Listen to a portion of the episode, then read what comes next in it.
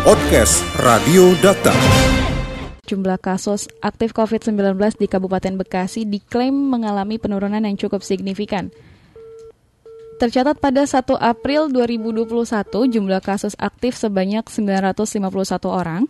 Kemudian pada Sabtu 10 April 2021 jumlahnya turun menjadi 718 kasus atau berkurang sebanyak 233 kasus. Data terbaru dari Satgas Penanganan COVID-19 Kabupaten Bekasi melalui laman pikokapsi.bekasikap.go.id, kasus positif harian bertambah 140 orang. Namun ada tambahan pasien yang sembuh sebanyak 159 orang. Dan untuk itu kami akan membahasnya bersama dengan Dinas Kesehatan Kota Bekasi, Desi Syukrawati. Dakta Radio, bijak dan cerdas. Assalamualaikum Ibu Desi. Waalaikumsalam, ya, siap. Ya, Ibu Desi ini penurunan jumlah kasus ini terjadi di wilayah mana saja sih? Iya, kalau penurunan jumlah kasus hampir terjadi di seluruh wilayah ya di Kota Bekasi. Jadi hampir seluruh wilayah, seluruh kecamatan hampir mengalami uh, seluruhnya penurunan kasus dari segi jumlahnya. Uh mhm. -huh. Nah, untuk protokol kesehatannya sendiri uh, secara keseluruhan di Kota Bekasi bagaimana? Apakah masyarakat sudah cukup mematuhi uh, anjuran pemerintah ini? Ya kalau secara umumnya cukup mematuhi, tapi tetap harus waspada ya dengan peningkatan kegiatan kita nih menjelang Ramadan sama nanti menjelang Idul Fitri. Jadi jangan sampai lengah lah dikaitkan dengan masalah uh, kasus ya, walaupun sekarang menurun, hmm. kewaspadaan masih terus harus dijalankan ya. Iya. Nah, untuk bentuk pengawalannya sendiri ini bagaimana, uh, Bu Desi? Apakah uh, akan tetap diterapkan sanksi nantinya jika terlihat ada masyarakat yang melanggar? Tidak mematuhi oh, iya. protokol kesehatan? Kalau terkait dengan uh, pelanggaran protokol kesehatan, itu kan kita berkaitan dengan tenda yang sudah uh, perda yang peraturan daerah yang sudah dimiliki oleh Kota Bekasi. Hmm. Artinya di dalam perda itu kan sudah tertuangkan sanksi apa yang bisa diberikan terhadap pelanggaran uh, protokol kesehatan. Mm-hmm. Jadi walaupun nanti kita bulan puasa selama perda itu sudah uh, ada, itu pasti akan bisa diterapkan di seluruh wilayah Kota Bekasi. Mm-hmm. Nah untuk pelaksanaan vaksinasi sejauh ini bagaimana uh, Bu Desi update-nya di oh, Kota iya. Bekasi? Alhamdulillah kita sudah uh, apa ya terus bergerak nih vaksinasi. Jadi mudah-mudahan uh, tidak ada kendala di logistiknya sehingga kegiatan ini bisa terus berjalan. Sejauh ini sih sudah mencapai angka hampir uh, 77 persen ya, uh-huh. uh, apa namanya capaian kita di Kota Bekasi. Tapi mudah-mudahan nih tidak ada kendala lain-lain sehingga ini 77% dari target tahap 2 ya. Mm-hmm. Jadi kalau misalnya nanti kita dapat lagi logistiknya, ya kita apa sih akan menambah lagi sasarannya dan menambah lagi cakupannya. Jadi ini 77% dari logistik yang sudah kita terima ya. Mm-hmm. Nah, ya Ibu Desi ini uh, proses vaksinasi ini sudah dilakukan di wilayah mana saja? Oh, pos uh, vaksinasi sudah dilakukan di seluruh wilayah. Jadi di Kota Bekasi sesuai dengan uh, arahan dari Kementerian Kesehatan bahwa pada tahap 2 itu yang divaksinkan adalah uh, tenaga kesehatan yang kemarin masih belum uh, dilaksanakan, hmm. kemudian uh, lansia di Kota Bekasi dan pelayan petugas pelayanan publik.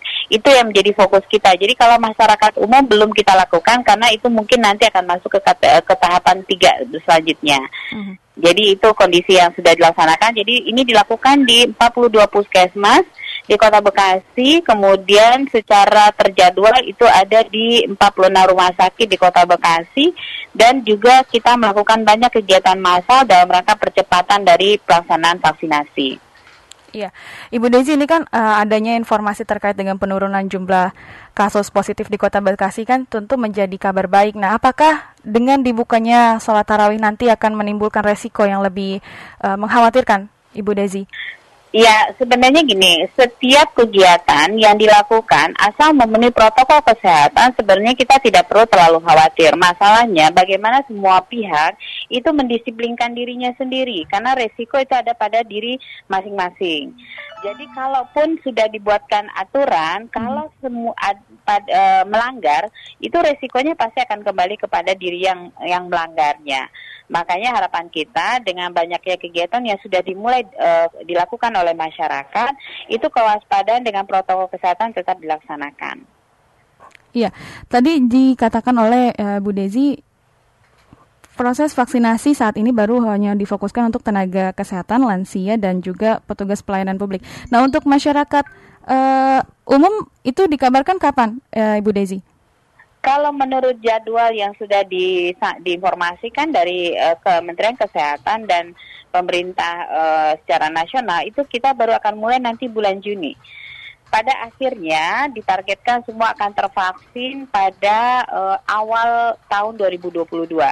Nah, ini tahapan ketiga inilah nanti masyarakat umum akan mendapatkan fasilitas vaksin, tapi uh, karena logistiknya diberikan secara bertahap, ya kita akan melakukan penjadwalan. Mudah-mudahan semuanya sesuai dengan uh, apa rencana ya, tidak ada kendala. Iya, Ibu Desi kembali ke uh, perihal protokol kesehatan di tempat ibadah. Apakah dari dinas kesehatan akan melakukan pengawasan? Ya, kalau pengawasan di wilayah akan dilakukan oleh semua unsur, tidak hanya dinas kesehatan. Jadi itu ada pemerintah wilayah, kemudian ada dari uh, apa dari unsur kesehatannya dan dari unsur masyarakat sendiri. Mudah-mudahan semuanya tertib, mudah-mudahan semuanya tetap uh, waspada sehingga uh, kegiatan ibadah tidak menjadi uh, apa ya tempat di mana terjadi uh, apa ya lonjakan kasus. Lonjakan kasus. Itu sih harapan kita ya. Mudah-mudahan semuanya bisa memahami ini sebagai bagian dari usaha bersama. Karena kalaupun kita sudah divaksin, bukan berarti kita tidak mungkin terpapar, walaupun resikonya lebih ringan. Jadi kewaspadaan dari semua pihak tetap dibutuhkan, ya. Oke, Ibu Desi, bagaimana dengan uh, kesiapan di fasilitas kesehatan sendiri? Gimana Mbak? Sorry, kurang ini nih. Kesiapan apa? Kesiapan di fasilitas kesehatannya sendiri itu seperti apa? Oh iya. Kalau kita fasilitas kesehatan di dalam bulan Ramadan sih tidak banyak perubahan. Artinya pelayanan tetap dilakukan secara rutin. Kalau untuk vaksinasi masih terus akan dilakukan karena kan kita ada jarak waktu pelaksanaan mm-hmm. antara suntikan pertama dan suntikan kedua. Sehingga kegiatan vaksinasi terus dilaksanakan, kegiatan pelayanan terus dilaksanakan. Nah, mudah-mudahan dalam hal penanganan tidak uh, ada resiko-resiko yang mengkhawatirkan kita semua. Semuanya tetap berjalan dengan baik ya. Ya. Untuk vaksinator sendiri berapa yang sudah disiapkan Ibu Dezi? Kalau untuk saat ini yang terdata di kan vaksinatornya itu ada sekitar 259. Hmm. Tapi ini akan terus uh, kalau nanti di apa namanya di tahap ketiga karena sasaran akan uh, sangat banyak sekali karena itu adalah masyarakat. Itu nanti vaksinator ini juga akan secara uh, paralel akan terus bertambah karena kita terus melakukan OJT atau training uh, pada petugas-petugas uh, kesehatan lainnya. Karena untuk vaksinator kan dibatasi harus tenaga kesehatan yang memiliki uh, apa ya keterampilan khusus. Jadi tidak bisa semua orang yang bergerak di kesehatan melakukannya gitu. Nah, untuk tempat vaksinasinya ini dilakukan di mana saja, Ya kalau saat ini kan kita di semua layanan kesehatan, artinya di semua puskesmas, di semua rumah sakit dan kita Kota Bekasi melakukan percepatan dengan dukungan dari berbagai pihak sehingga kita juga melakukan kegiatan-kegiatan massal yang uh, terus kita koordinasikan. Sampai sejauh ini dari kegiatan massal yang kita lakukan itu kita sudah uh, berhasil melakukan percepatan lebih kurang 12.000 uh, capaian vaksinasi kita. Jadi di luar yang layanan rutin. Mudah-mudahan nih semua pihak tetap uh, bergandeng tangan ya uh, membantu uh, kita semua sehingga kegiatan penanganan ini bisa membuat kita berproses lebih cepat.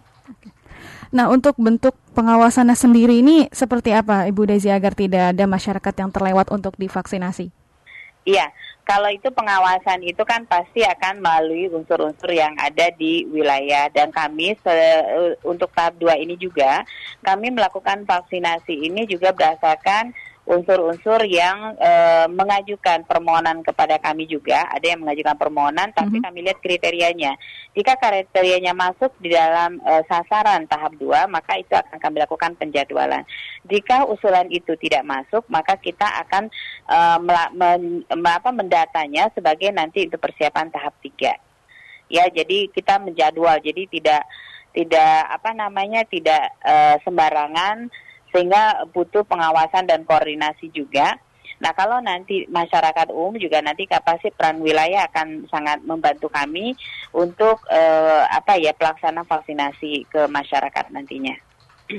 Oke, baik. Ibu Desi, terakhir pesan bagi warga Bekasi yang uh, nantinya akan melakukan ibadah tarawih di masjid, apa imbauan Ibu Desi sendiri? Iya, uh, kami atas nama Dinas Kesehatan, atas nama pemerintah daerah berharap semua kita tetap melakukan apa melaksanakan ibadah dengan disiplin. Sudah ada arahan bagaimana beribadah kalau melakukan sholat uh, tarawih berjamaah di masjid. Artinya kapasitas masjid tidak uh, bisa kita abaikan. Kemudian penggunaan alat-alat pribadi itu juga diharapkan demikian, jadi tidak menggunakan fasilitas bersama. Kemudian uh, setelah melakukan sholat ibadah mungkin tidak ada kegiatan-kegiatan berkumpul yang mungkin akan memicu terjadinya peningkatan kasus. Nah, kemudian di hal lain-lain adalah kembali meningkatkan uh, apa ya pemilihan makanan yang sehat, pola hidup yang baik sehingga daya tahan tubuh meningkat dan resiko-resiko terpapar dapat kita kurangi ya. Itu imbauan kami untuk yang nanti kita memasuki bulan Ramadan. Podcast Radio Data. Anda cukup masuk ke mesin pencari Google atau lainnya dan tinggal mengetik podcast Radio Data. Podcast Radio Data, aktual dan informatif.